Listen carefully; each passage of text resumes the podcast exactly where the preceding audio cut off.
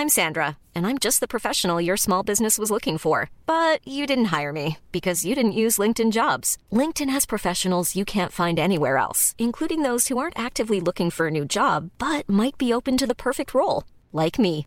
In a given month, over 70% of LinkedIn users don't visit other leading job sites. So if you're not looking on LinkedIn, you'll miss out on great candidates like Sandra. Start hiring professionals like a professional. Post your free job on linkedin.com/people today. This Mother's Day, celebrate the extraordinary women in your life with a heartfelt gift from Blue Nile. Whether it's for your mom, a mother figure, or yourself as a mom, find that perfect piece to express your love and appreciation. Explore Blue Nile's exquisite pearls and mesmerizing gemstones that she's sure to love. Enjoy fast shipping options like guaranteed free shipping and returns. Make this Mother's Day unforgettable with a piece from Blue Nile. Right now, get up to 50% off at BlueNile.com. That's BlueNile.com.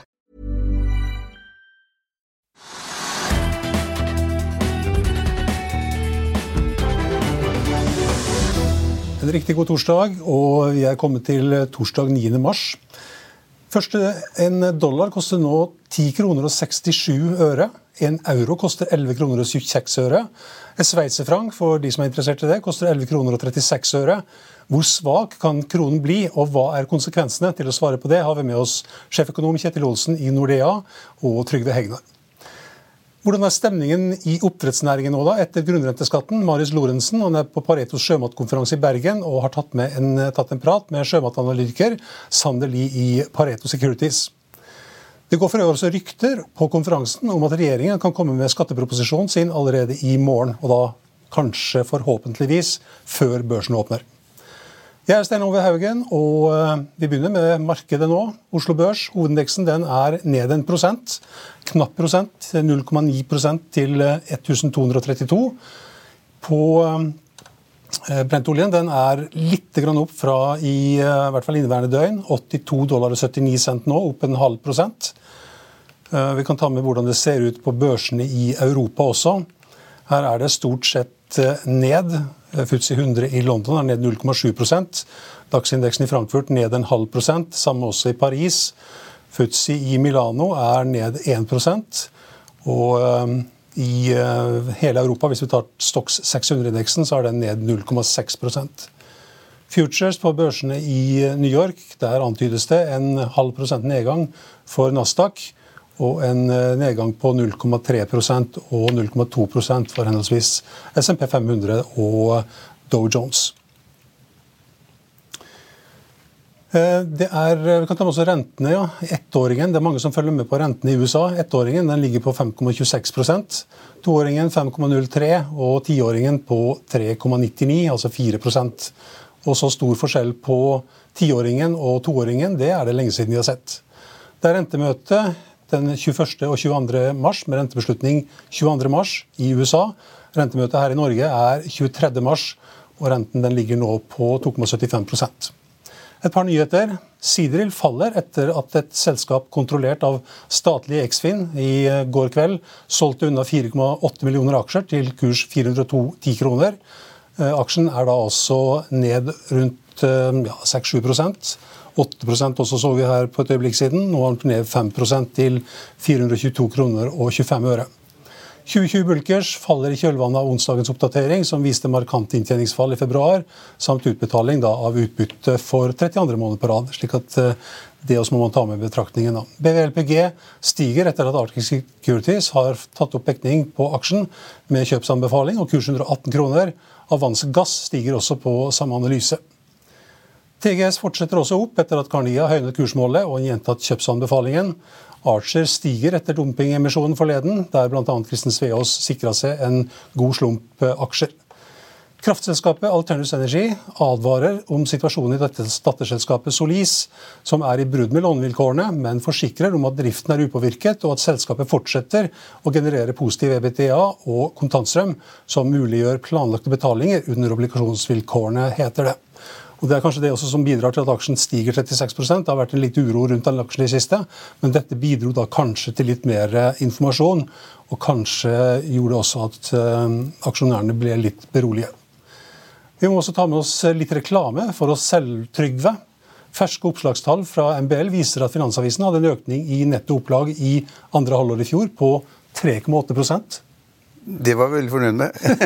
Nei, men det er, jo, det er, jo, slik at man i avisverdenen generelt er litt engstelige. Altså, Mye går opp på digitale løsninger, og kanskje vil ikke ha papir lenger. og Det er et stort tilbud på, på avissiden. Så det er ganske tøft nå liksom, å øke opplaget. Det er ganske tøft. Vi har økt blant, ja, blant de to-tre beste i landet. Og vi har selger over Har du som økte mer? Ja, vi, ja, det er litt avhengig av det første halvår eller siste kvartal. Men vi øker i hvert fall. Andre halvår, 3,8 ja, ja, det er veldig bra. Jeg syns det er veldig bra. og og så vi også, holder vi prisene våre også. Det hører også med. Det er ikke bare å selge antall eksemplarer. Og så har vi også da i, i Finansavisen fått inn kapital som et produkt til Finansavisen. Det er flere ting som tyder på at man gjør de riktige tingene, at vi dekker nyhetene på den riktige måte. Og at vi kanskje den nisseprofilen vi er, da, altså på inn mot finans og aksjer, det er den riktige veien å gå. Så vi er ikke noen breddeavis, vi er en nisseavis, og vi skal være gode der. Og er vi ikke gode der, så merker vi det i opplaget. Akkurat nå går det den riktige veien. Og, og, og, det at vi har lagt da kapital inn som en del av, av abonnementet på Finansavisen, det tror jeg er en lang, langsiktig god løsning. Eh, du er inne på breddeavisene. VG har en ganske stor tilbakegang. Det er nesten så de ikke er til å tro. 15% i andre halvår. Ja, det høres veldig mye ut, jeg er helt enig, men, men det er jo en stor avis. Ja. Så, og jeg tror tilbudet, altså, altså, Konkurransen på de korte nyhetene, de raske nyhetene, de, som da VG og Dagbladet står for, og som NRK står for, og vår egen, egen ABC her i første etasje står for. Det er et kjempetilbud og kjempekonkurranse på nyhetene der. Og da vil den type stoff som da Vegard har hatt, kanskje ikke være så populært. da. Så jeg vet ikke, liksom, Skal det være en nyhetsavis, skal det være en sportsavis, skal det være en kulturavis, skal det være kjendisavis? Det er ikke lett å finne et spor du skal gå på.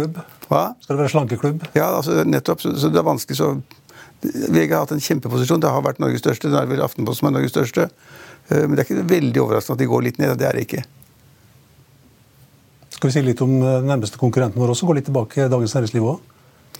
Ja, de har gått litt tilbake ganske lenge, faktisk. Eh, de tapte masse penger i fjor også. Hvis jeg husker, husker rett, så tapte de 60-70 millioner kroner. og Veldig mye fjerde kvartal. Så der sliter de litt. Da. Vi skal ikke snakke så mye om Men opplaget er ganske stort? Hva? Opplaget deres er ganske stort? Ja, opplaget er ganske stort, og vi vet jo ikke helt hva det kommer av. da. Og hvilken type abonnement det er til hvilken pris osv. Det vet vi ikke noe om. Men det er ganske imponerende stort. Men det går nedover hele tiden. Papiropplaget synker hele tiden. og det det må da kompenseres på, de, på digitale eh, plattformer. og det, det, Om de får til det, vet jeg ikke, men de taper iallfall mye penger. Så det er, og vi tjener penger. Det er godt å høre. Alltid, alltid godt å høre for de som jobber der. Den norske kronen er svakere enn på lenge. Det er bra for eksportnæringen, men er den blitt for svak? Og hvorfor er det stadig flere som uttrykker bekymringen for det? Bør det gjøres noe med det, og i så fall hva? Vi har med oss sjeføkonom Kjetil Olsen i Nordea, og hva tenker du? Nei, ja, den er svak. Eh, og eh, Svakere enn på lenge. Og det har gått mye på kort tid. Eh, kanskje særlig mot euro. Eh, vi tror jo det har nær sammenheng med at andre sentralbanker har tatt igjen Norges Bank, og vel så det. Eh, og utsiktene for renteoppgangene utenfor landsgrensa er høyere enn i Norge. Altså markedsforventningene. Og signalene også fra sentralbankene er mer haukete. på en måte. I USA snakker vi nå om en styringsrente på 6 i Europa på over fire, også i Sverige. Um, så, så, det faller i hvert fall sammen med en uh, vi, vi, pleide jo å ha, og har hatt i alle år som jeg kan huske, høyere renter enn ECB. Uh, nå er vi på linje med og på vei under. Og, og det faller sammen med den kraftige svekkelsen av krona vi har sett nå, særlig mot euro. da. Ja, den svenske styringsrenten er 3 men, men jeg tror det er riktig det du sier. Men, men det er også slik, jeg tror også det at etter hvert nå at det vil gå for folk at Norges Bank kommer til å liksom gå litt hardere ut enn de har gjort hittil. Etter sentralbanksjefens tale. Så jeg syns det var rimelig klart at hun sa der at eh, vi skal ned på 2 eh, prisnivå. Dit skal vi, og gjøre det som gjøres må. Mm. Og, og, og, så tar det litt tid før vi kommer i gang. ikke sant? Og Da får vi da renteøkning nå i mars. Det er noen som nå snakker om at den blir 50 punkter istedenfor 25 punkter, fordi hun også da liksom skal legge seg på en linje hvor man da kan nå målene i løpet av ett til to-tre år. Så, så, det er en forskjell, men jeg, jeg tror vi kommer til å ta etter. Jeg tror det.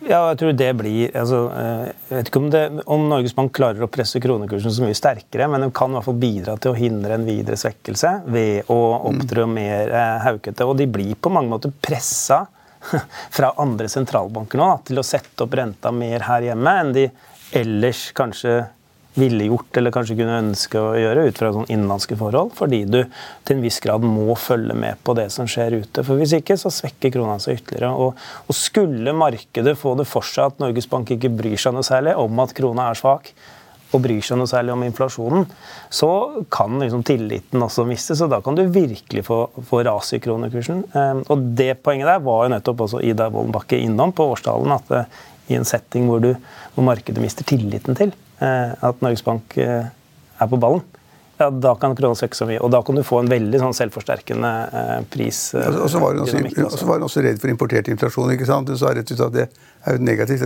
hvis vi får det med en svak krone. så kan kronen svekke seg ytterligere. Er, er, det det som er det farligste? Den importerte inflasjonen? at den kan begynne å gå ja, altså, det er jo den, det er jo, altså, Prisveksten er jo nå altfor høy. Eh, og Så diskuterer man om hva som er årsaken når den kommer utenfra. og sånne ting. Det Norges Bank er opptatt av, er jo om den fester seg eller kommer ned. Eh, og eh, Hvis kronekursen svekker seg, så vil jo det bare gi mer ved på bålet til ytterligere prisvekst på importerte varer.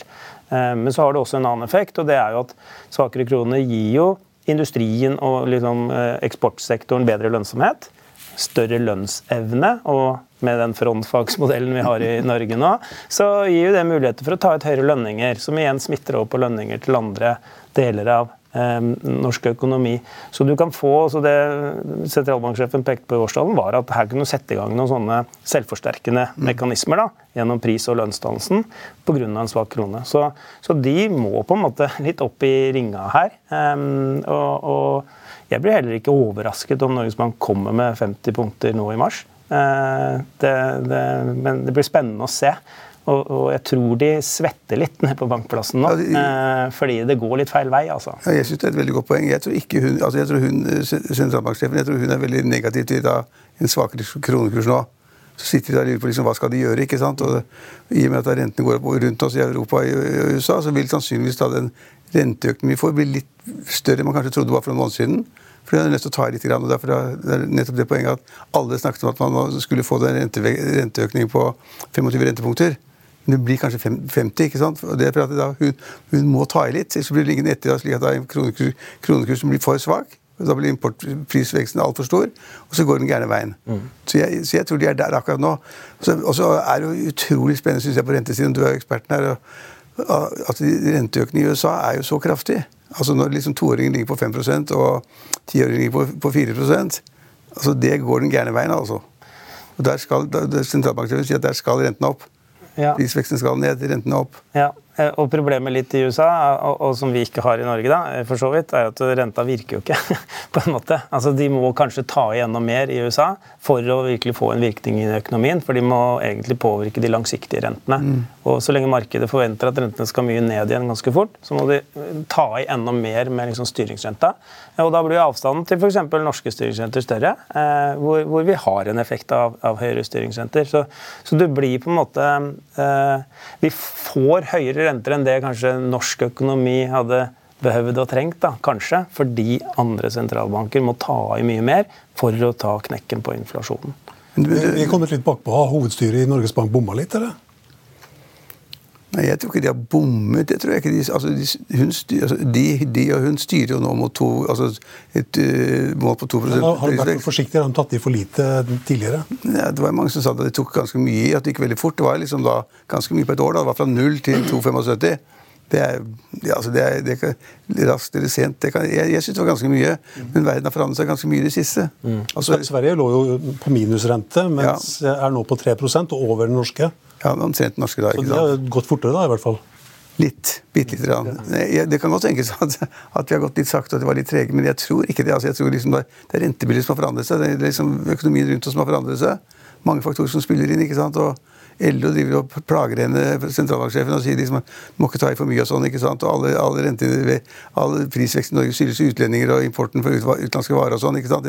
Oljeprisene og alt mulig annet. Det er liksom hun blir plaget litt, og så har hun et godt eh, rådgivningsteam rundt seg sannsynligvis. og Derfor, som vi da begge to tror, det visste jeg ikke begge to tror, så vil eh, renteøkningen nå bli litt større enn man kanskje hadde regnet med. Mm. Ja, for det, Svakere krone er jo ikke det eneste som på en måte trekker den veien. Vi har høyere prisvekst. Nå får vi et nytt tall i morgen, så blir det spennende å se på det. Hva tror du? Um, nei, Vi tror vel prisveksten er fortsatt høy, og, og ligger høyere enn konsensus. Uh, 7 i januar?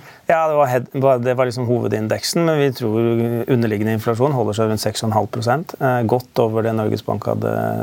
Og det er mye ute i, i systemet ennå som ikke er kommet ut, så det er et underliggende liksom, eh, eh, press i retning av økte priser fortsatt. Eh, lønnsveksten i fjor ble høyere. Det ligger an til at lønnsveksten nå blir en god del høyere enn det Norges Bank har lagt til grunn.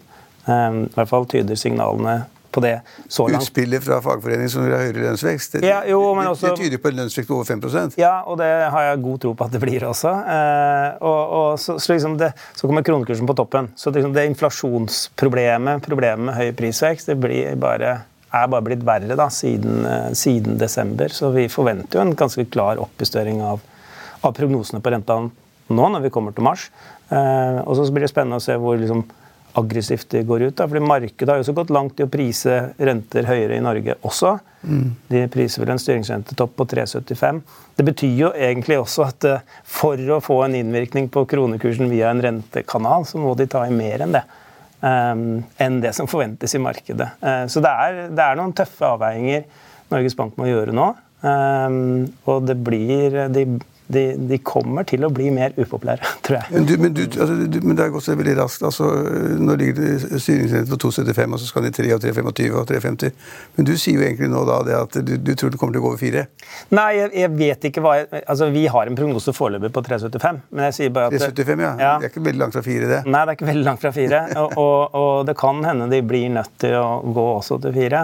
Eh, og hvor koronekursen kan bli en liten joker oppi det hele. Altså. Fordi, og igjen, det er som en konsekvens av at alle andre sentralbanker øker rentene mye mer. Ehm, og, og vi er liksom blant de landene i den vestlige verden som nå har den laveste renta omtrent. Det er vel bare Sveits og Japan som på en måte, på forventningsbasis har lavere rente enn oss. Og Den amerikanske sentralbanksjefen Powell han sa jo da i forgårs, det er bare to dager siden, han sa jo da rett ut at uh, renten skal opp. Vi har tatt det for lite. Mm. mm. Dere må regne med at renten skal høyere. Da fikk næringslivet sjokk. og Aksjemarkedene skulle egentlig kollapse, men de gjorde ikke det. For de tenkte at kan han virkelig mene det? Mm. Han sa det, men han mener det kanskje ikke. Så det er en ganske underlig situasjon, da. Ja, og, og, det er også en annen risiko for kronekursen her hjemme. at hvis, hvis på en måte aksjemarkedet også i USA skulle få seg en liten knekk fordi rentene går opp mer enn når markedet venter også der, um, så kan det igjen bare nøre opp under ytterligere svekkelse av krona. For det er en sånn type dynamikk eh, i, i markedene at når når aksjeverdiene faller, så, så bidrar liv- og personselskaper i Norge egentlig til å forsterke den, eh, en svekkelse av krona, fordi de har valutasikra posisjoner. Så når de verdiene faller, hvis aksjemarkedene faller, så må de ta ned sikringsgraden og, og selge kroner og kjøpe tilbake valuta. Og det har vi sett veldig tett korrelasjon da, mellom aksjemarkeder og, og kronekurs. Så det ligger jo også der i løypa fremover, som, som er en risiko for en enda svakere krone, litt uavhengig av hva Norges Bank gjør. Da. Så det men, men, hvis det er noe for å bare hoppe til, Når vi har sånn god gjest her altså hoppe tilbake til I'm Sandra, and I'm just the professional your small business was looking for. But you didn't hire me because you didn't use LinkedIn jobs. LinkedIn has professionals you can't find anywhere else, including those who aren't actively looking for a new job but might be open to the perfect role, like me. In a given month, over 70% of LinkedIn users don't visit other leading job sites. So if you're not looking on LinkedIn, you'll miss out on great candidates like Sandra. Start hiring professionals like a professional. Post your free job on linkedin.com/people today. I'll see you in court. Vi sier det ofte litt på spøk, men for deg som driver business, er det aldri moro å innse at du ikke har laget en 100 gyldig kontrakt. Du bør ikke risikere hele firmaet ditt fordi du synes dette med kontrakter er litt stress. En avtale er ikke en avtale. Du kan miste kunder, miste venner, ja, til og med miste inntekter om du ikke lager en skikkelig kontrakt, på alt mulig, egentlig. Men vi vet det er et styr. Kopimaskiner, tregprinter og haugevis av papir. Dessuten stoler vi jo på folk her i landet. Det er ofte litt kleint å skulle be om en signatur for alt mulig, ja, for mye av styret handler også om jakten på underskriften. Det finnes en enkel måte å løse dette på, Dukkobit, en trygg, effektiv og get this, gratis måte å sikre seg en god natts søvn pluss en juridisk bindende avtale. Dukkobit-appen har de strengeste sikkerhetskrav i bunn, samt en EU-godkjent og sertifisert teknologi. Framover vil det bli behagelig å spørre du, skal vi skrive under på det, eller? Kom i gang på dokobit.no. Amerikanske rentene. Altså da jeg studerte, så lærte vi da at de lange rentene skulle være høyere enn de korte. Mm. fordi at det var større risiko for langsiktig. ikke sant? Og da måtte man få kompensert for det. en risikopremie. Så det var liksom veldig greit. De lange rentene var, høy, var høyere enn de korte. I Amerika nå så er det toårsrenten to, toårsrenten, den er 5% og så langrenten i tid det er 4 mm. Det er det motsatte. En så, såkalt invertert rentekurve. Og da skulle normalt i læreboka så skulle vi få resesjon, og alt skulle gå gærent. Men det var en eller annen gang før sommerferien at de, liksom de tiåringen ble høyere enn toåringen. Lavere enn to. Ja, hvorfor har det ikke skjedd noe? Hvorfor, Nei, ja, altså det, eh, hvorfor har det ikke blitt mer resesjon eller svakere økonomi? Eller? Det tar vel litt tid, gjør det ikke det? Jo, det tar litt tid, men jeg tror også eh, økonomien rett og slett må ha en høyere rente for å respondere. Eh, det er fortsatt ikke veldig stramme finansielle forhold i USA. og En, en, en langsiktig rente på 4% er ikke veldig høyt. Eh, og, men vil tiåringen bli eh, høyere enn toåringen? Eh, ja, etter hvert, men det er jo normalt også at når, når du skal prøve å stramme til altså Tiåringen eller den langsiktige renta vil jo typisk bevege seg rundt det man tenker er et normalt nivå på tid, over tid. da, ikke sant? Og så skal du sette renta høyere enn det når du skal stramme inn, og lavere enn det når du, når du skal slakke opp. Um, men utfordringen for Fed er jo nettopp det at markedet er så steinar i troen på at rentene skal fort ned igjen. Ja, fort. At, uh, at det, eh, selv om Powell var ute og prata nå, og prisingen av Fed Funds, da korte renter kom opp mye, så skjedde det ingenting i tiåringen. Men det er der effekten ut i økonomien kommer. Eh, så den må antageligvis høyere. Så Den må opp fra 4 til 5% eller sånn? Ja, eller 4,5 eller i hvert fall ja, for å liksom virkelig gjøre litt skade på amerikansk økonomi. Da. Ja, nå har vi renta i USA allerede 4,5 til 4,75. så... Ja, styringsrenta, men, ja. vi, vi, tror at den skal opp til 6. Eh, og nettopp for å få liksom, også de langsiktige rentene videre opp. Eh, og det i sin tur, som jeg sa, det kan jo da få litt implikasjoner, konsekvens for aksjemarkedene, som igjen kan gi en svakere krone. Men hvor lang tid vil det ta da før eh, inflasjonen er nede på 2 Nei, Det er det ingen som vet. Jeg tror det kommer til å ta litt tid. Fordi... Er det en grense hvor høyt man kan sette sette opp renta? Nei. Det er jo ikke det. Ja, altså, snakker du om USA nå? eller Ja, i USA, Vi var inne på USA. I Norge òg, for så vidt. Nei, men altså, det, det er I USA er det jo ingen som jeg leser eh, som sier at renten altså at, at vi kommer ned på 2 altså prisvekstmålet. da. At det, at vi når det i løpet av ett eller to år. Det er ikke nærheten. De snakker om to-tre år. Mm. I beste fall så tar det to-tre år før man er der. Det er en lang prosess da, med høyere renter og tilpasninger. og og kanskje svakere økonomi og litt resesjon og liksom litt større ledighet osv. Dårligere økonomi kan presse det ned, ikke sant? og det er mange ting som kan presse det ned. Prisnivå, mens renten er opp. Det, men, men, vi snakker om to-tre års lid, altså. Det er ganske lenge. Mm. Og i Norge også, hvis, du, hvis prisveksten som du sier, sånn 6-7% eller sånn nå, i Norge nå, så tar det lang, ganske lang tid før uh, sentralbanksjefen og Norges Bank får ned de to, altså. Mm. Det, er, det er ikke neste år. Hjelper det å bare sette opp renta? Eh, ja, hva tenkte du man ellers skulle gjøre? Stramme til i finanspolitikk? Gjøre, altså, eller Hvis ikke renta virker? Jo, den virker jo. Eh, og i Norge virker den i hvert fall eh, på norske husholdningers økonomi. Jo, men Hvis den importerte inflasjonen er liksom den som overskygger alt? jo, men den, den får liksom effekter også på den innenlandske inflasjonen. via nå f.eks. lønnsoppgjøret nå da, hvor arbeidstakerne krever reallønnsvekst. Så basert på liksom hva prisveksten er eller forventes å være, så skal man ha mer lønn enn det. Og Jo høyere prisveksten er, jo høyere blir da lønnsveksten, som igjen gir en, en, en, en kostnadsimpuls til bedriftene som må holde prisene oppe og kanskje øke det enda litt mer. Så gjennom liksom, andre, tredje og fjerde rundeeffekter så får det, liksom, setter det seg. da. Eh, og det er jo det sentralbankene nå Dette er ikke bare i Norge, det er jo felles for liksom alle land. Er, og vi ser lønningene og kravene om lønnsvekst eh, er ganske høye rundt forbi. Det var vel en streik på tyske flyplasser her hvor de krevde 10,5 lønnsvekst. Altså, jo, men det er ikke så rart å Ja, De streiker jo i Frankrike over uh, ja, ja, det er pensjonsreformen. Nei, men det er ikke så rart. fordi jo, man de streiker. De streiker, altså Folk går i gatene ja. for å bedre vilkår, enten av pensjoner eller lønn. da. Ja. Og, og, det, og, da må man på en måte uh, kanskje sette for enten mer enn man ønsket å gjøre, og skaden på økonomien blir da større for å få inflasjonen ned. Og all historie tilsier at det, det koster, det koster å, å, få inflasjonen ned, hvis den først har satt seg. Eh, og det er det som er utfordringen for sentralbankene nå. Går de for forsiktig fram og lar dette her liksom uh, få sette seg, så kan det bli mer kostbart på lengre sikt. og Det er derfor man er litt eh, på om dagen. Da. Så, mm. Men, jeg, jeg, jeg, tror at vi vil se det altså, Det tar lang tid, minst to-tre år, å få da liksom prisveksten ned til 2 som er målet for alle.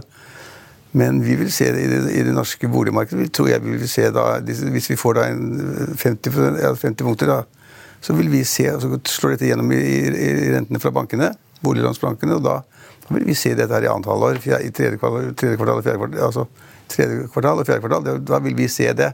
Da vil vi merke at verden er blitt annerledes, og da vil folk da kjøpe mindre hus, altså ikke så dyre hus, og ta hensyn til renteeffekten. Den kommer. Ja, ja. Den kommer ikke til å overse, det er jeg helt sikker på.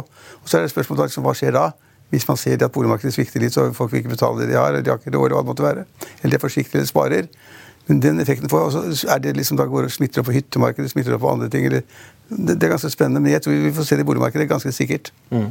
Smitter det på ledigheten etter hvert også, kanskje? Det er grunn til å tro det. Um, og, det og det er jo effekten her, da. ikke sant? Altså, eller baksiden, eller hva du kaller det. for noe. Men litt av hensikten også. med Det må vel kanskje skje også? For ja, det er liksom å dempe aktiviteten. Jo, jo mer liksom, du får, jo svakere krona blir, jo mer må man jo dempe aktiviteten hjemme da, liksom, for å få kontroll på prisveksten. Sånn alt annet likt, da, i hvert fall. Så det er derfor jeg sier at det her er litt sånn Jeg tror det er litt plagsomt da, for, for Norges Bank. det som så er det, som, ja, så er det noen som sier at liksom, ja, men altså, energiprisene går ned, gassprisene har falt, og oljeprisen oljeprisen er, holder seg på bare et par, par 80 dollar per fat, ikke sant? og andre priser også faller. slik at liksom det, det, er tegn på at det går bedre. og det bla. Men jeg, men jeg ser ikke helt det. Altså. Men mange tror det at liksom, da ligger en del sånne priseffekter ute, som da vil bety mye i, i markedene for å få liksom, aktiviteten går litt ned, da, uten at man kjører for hardt på renten. Da, for, liksom, At det blir et kjempesmell, men at det blir en rolig, rolig nedgang. Jeg tror det er et ganske skummelt bilde. Apropos skummelt. Eh, hvis den her eh, frontene mellom USA og Østen, Kina, hvis den utvikler seg videre, og det i verste fall skulle komme til en konfrontasjon? Ja, det høres Mener du krig? Ja, ja, ja, ja. Jo, jo, altså Hvis du tar det over til økonomiske konsekvenser og, og, vi må begynne å produsere alt det vi har kjøpt billig nå i Østen, må vi produsere i Europa og USA. Ja, det, det, er jo ikke bra. Hvordan ser det ut da de, de neste årene fremover? Nei, Da må du regne med et underliggende press på prisene mye større enn det vi har vært vant til, ja. Eh, dette går jo litt inn i den der deglobaliseringsdebatten, på en måte, men skulle det bli full konfrontasjon der, og, og, og liksom man, man, stenger ned mye av importen fra Kina, så er det, om ikke Ragnarok, i hvert fall, så er det Vi er jo ekstremt avhengig av å importere ja, varer fra Kina. Er, ikke bare vi, men, men hele vi, er, vi er så rike i Norge at vi kan kjøpe hva som helst og lage hva som helst selv. Ja, ja. vi skal jo lage batterier og vi skal... Men at det da blir dyrere, det er helt opplagt. Ja. Alt blir dyrere. Vi kan, vi kan jo lage hva som helst, vi. Ja, inflasjon på 10-15% kanskje? Ja, Om det går så langt, vet jeg ikke, men jeg husker godt 70- og 80-årene, ja, altså, hvor, hvor, jeg fikk 17 rente på innskudd i, i kredittkassen. Og, og, folk som hadde kassekreditter i bankene på slutten av 70-tallet, de betalte 20, 20 Vi kommer nok ikke dit nå. Men, nei, men, men, men, det er ikke så lenge siden, da. Nei, nei. Vi er kanskje oldinger, men vi er ikke så gamle. at vi, Jeg husker de tidene. Det var, det var vanvittige tider. Vi kommer ikke dit, men, men vi overlevde den gangen òg. De heldige var de som da kjøpte seg boliger. Lånte penger. Altså ikke da boligprisen rett i været på to-tre år. Fire år. Mm. Ja, Vi kunne sikkert snakka mye lenger om det her, men uh, vi må videre uh, til sjømatkonferansen. Det, det, ryktes på sjømatkonferansen at uh, denne skatteproposisjonen kommer i morgen. Det kan godt være, det vet vi jo ikke noe om. Den burde ha kommet for lenge siden. Da, de, de, de, de, var jo ikke ferdig med høringsuttalelsen før de sa at den kom. Og Så blir den utsatt, og så kommer den sikkert så ja, det, det, som er spennende, er at de modifiserer den litt, for de har fått så motstand på kysten, altså på Vestlandet. Belgiemassen og, og Senterpartiet, ordfører og andre de er, liksom der, de er så sinna på regjeringen og arbeider så hardt mot regjeringen at det kan tenke seg at Senterpartiet lurker inn et eller annet, at det ikke blir 40% på toppen, eller kanskje blir 38 eller 35, eller at noen mekanismer mellom skatt på land og skatt i sjø, det vet jeg ikke. Det, jeg, jeg, det, er, det, er, ikke utenkelig at de, at de lager en liten smart liten løsning på det, for slik den var. Så de produserer hele næringen, og, da, og næringen produserer selvfølgelig altfor mye, og de overdriver som barrakkeren. Eh, og nå er da lakseprisene all time high, liksom det bare renner inn. Så det er ikke så lett for laksenæringen å si det at liksom, vi tåler ikke skatten. Men det er så mye bråk blant Senterparti-ordførere at det kan tenkes at de lager et eller annet lureri. Og Senterpartiet er jo verdens beste hestehandler, er det ikke det? De kan, de kan jo legge inn et eller annet. Så det er spennende hvis de kommer. Det, burde komme for lenge siden. Apropos Senterpartiet og hestehandelen. Høyre er like stor som uh, Jagland håpet den skulle være en gang? Ja, altså, Det er altså helt fantastisk. altså Høyres tall som kom i dag, hvor de har en oppslutning på 36,9% 36,9 Det var det Jagland sa. Hvilket år var det? 2007 jeg husker ikke, Det går litt tilbake på slutten av 90-tallet. Men Jagland var statsminister, og da sa han at hvis vi ikke får 36,9% oppslutning, så går jeg av. Han gikk av, for de fikk da hvis jeg husker helt feil, så fikk de 35% Men i dag, i dag da man tenker på det at Han sa at vi skal ha 36,9 for å fortsette. I dag da kom da den målingen som viser at Arbeiderpartiet har 15 Det er ganske skummelt. Og alle de venstreorienterte partiene, til sammen, inkludert Arbeiderpartiet, det er da mindre enn Høyre og Fremskrittspartiet. Mm. Eller mindre enn Høyre alene. Men det er dessverre lenge til valget. Ja, det er, det er kommunevalget i høst. Altså nå. Jo, kommunevalg, ja. Nei, det gir kanskje liten forsmak. Og stortingsvalget i 2025, eh, med de tallene som er nå, vil det bli fantastisk spennende og morsomt. Men altså, da vil jo Høyre banke, og Høyre og Fremskrittspartiet vil da banke regjeringen rett ned. Så de er jo nødt til i Arbeiderpartiet å få et ganske dramatisk skritt for å få dette opp i, til 2025. For det, folk hopper litt frem og tilbake og blir sittende på gjerdet, som vi sier. Men, men spranget nå fra 15% opp til Høyres 36,9. Og det vil ikke overraske meg noen ting om Høyre går opp til 40 Altså i løpet av, ja, for De sitter i båten gjør ikke noe feil og smiler og pent, og alle vil ha trygghet med Erna. Mens alle folk løper og betaler strømregningene sine og rentenotene og, og har, har det ille. ikke sant? Så det er, altså Høyre har en utrolig heldig posisjon. da. De sier jo ikke én ting som er kontroversielt. De bare sitter, sitter rolig og smiler. I dag kommer Erna med en bok også, så jeg har ikke lest den. Men, eh, men, men, men gallupene nå er helt sensasjonelle. Det er de faktisk. Ingen hadde regnet med det. Vår faste programleder Marius Lorentzen han har vært på sjømatkonferansen i Bergen, Paretos sjømatkonferanse, og vi har en liten stemningsrapport herfra. Sandeli, får vi si, relativt fersk sjømatanalytiker i eh, Pareto, på plass her på eh, sjømatkonferansen dere arrangerer eh, i Bergen. Skal vi begynne litt med hvordan er egentlig stemningen nå for en bransje som i fjor høst fikk seg en ordentlig kalddusj med denne skattepakken, som det har vært masse spekulasjoner og rykter om. Er det, Går praten i noe annet enn skatt, eller er det det alle går og venter på nå før påske?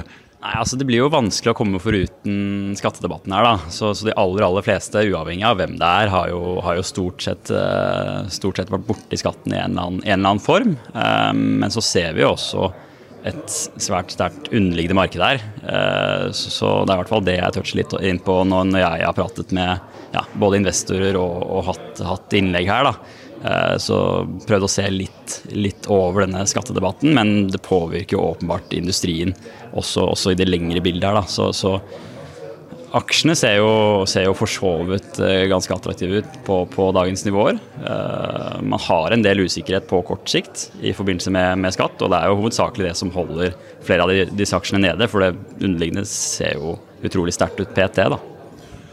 Før vi snakker om lakseprisen. ellers, SalMar har gjort uh, flere oppkjøp, påtatt seg ganske mye gjeld. Hvordan tolker du på en måte bransjens uh, både vilje og evne til å tenke transaksjoner, nye investeringsprosjekter, uh, i tillegg da til å bare tenke skatt og laksepris? Litt usikker på spørsmålet her. Hvor... altså, er, det er, det mye Sitter selskapene og vurderer mange M&A-transaksjoner, eh, sånn som vi da så SalMar gjorde i fjor? Ja, altså det, jeg, jeg tror det er, liksom, det er ikke utenkelig at det kommer mer konsolidering i bransjen også, som følge av, av dette grunnrenteforslaget. Da. det insentiverer jo i hvert fall til en viss grad mer til det også. Så Vi snakker litt om lakseprisen. Eh, vi har sett tresifret, altså over 100 kroner eh, kiloet i det siste. Eh, hvor, hvorfor er prisen så høy nå, er vel det enkle spørsmålet? Ja. Nei, Vi kan jo begynne med helt på, på starten av året. her da, Så var det en del spesielle effekter som drev det. ikke sant? Vi begynte jo året på, på midten av 90-tallet. Eh, ekstremt høyt sett i et historisk perspektiv. Du hadde litt mixed effekter som drev det. Du hadde logistikkutfordringer pga. utfordrende værforhold. Men det stoppet jo ikke der heller. altså Prisen har jo bare gått i taket siden. Eh, noen begynte å snakke litt om, om vintersår og, og, litt krevende, krevende biologi. Men eh, det vi tror er, og, og vi for så vidt har sett, er ekstremt lave slaktevolumer, samtidig som demand har holdt seg, holdt seg ganske, ganske, bra. Det er derfor vi også ser de høye prisene som vi ser nå. Eh, altså 100, 120 kroner kiloen, det er jo, det er jo helt vanvittig, vanvittige priser. Ja, Vi har sett bl.a. Grieg eh, ta ned slakteguidingen sin noe for 2023. Eh, er det, er det litt sånn trend og er det noe fellestrekk i hvorfor selskapene gjør det, eller er det selskapsspesifikke ting som gjør at volumene holdes litt igjen? Nei, Det er litt selskapsspesifikke ting også. Eh, og, det man kanskje så litt i Q4-rapportene sammenlignet med våre forventninger inn, inn, mot kvartalet, er kanskje litt mer, eller enda mer back-end-loaded slakteprofiler da, da nærmere andre halvår da, enn det vi hadde forventet. Så fra supply-siden her så, så, ser det ut til å bli ekstremt tight på, på kort sikt. og det er også litt det vi prater om, eller jeg også prater om. Da. Det underliggende her ser jo egentlig knallbra ut på, på lengre sikt også. Vi tror jo prisene kommer til å forbli høye også, også på, på, lengre sikt, gitt det tilbudsbildet man har. Da. Man får veldig begrenset med, med ny kapasitet fra både Norge og, og Chile på kort sikt. Eh, så, så, det er jo også de, de viktigste og største oppdrettsnasjonene. Så, så, fra supply-siden så ser det ut til å bli ekstremt tight på, på kort sikt, og også litt mellomlang sikt.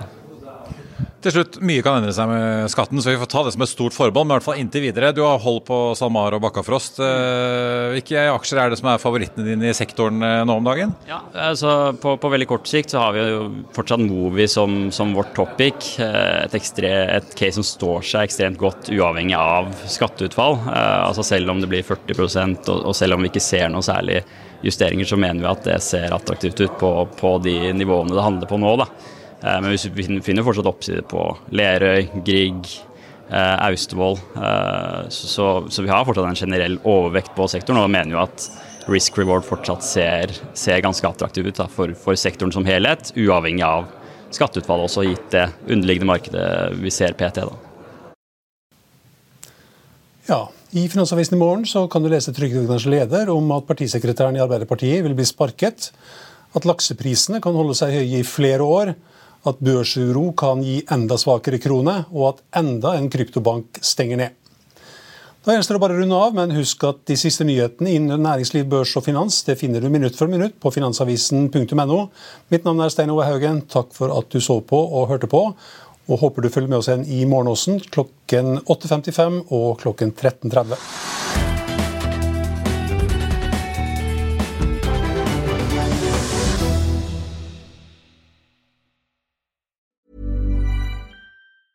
Even when we're on a budget, we still deserve nice things.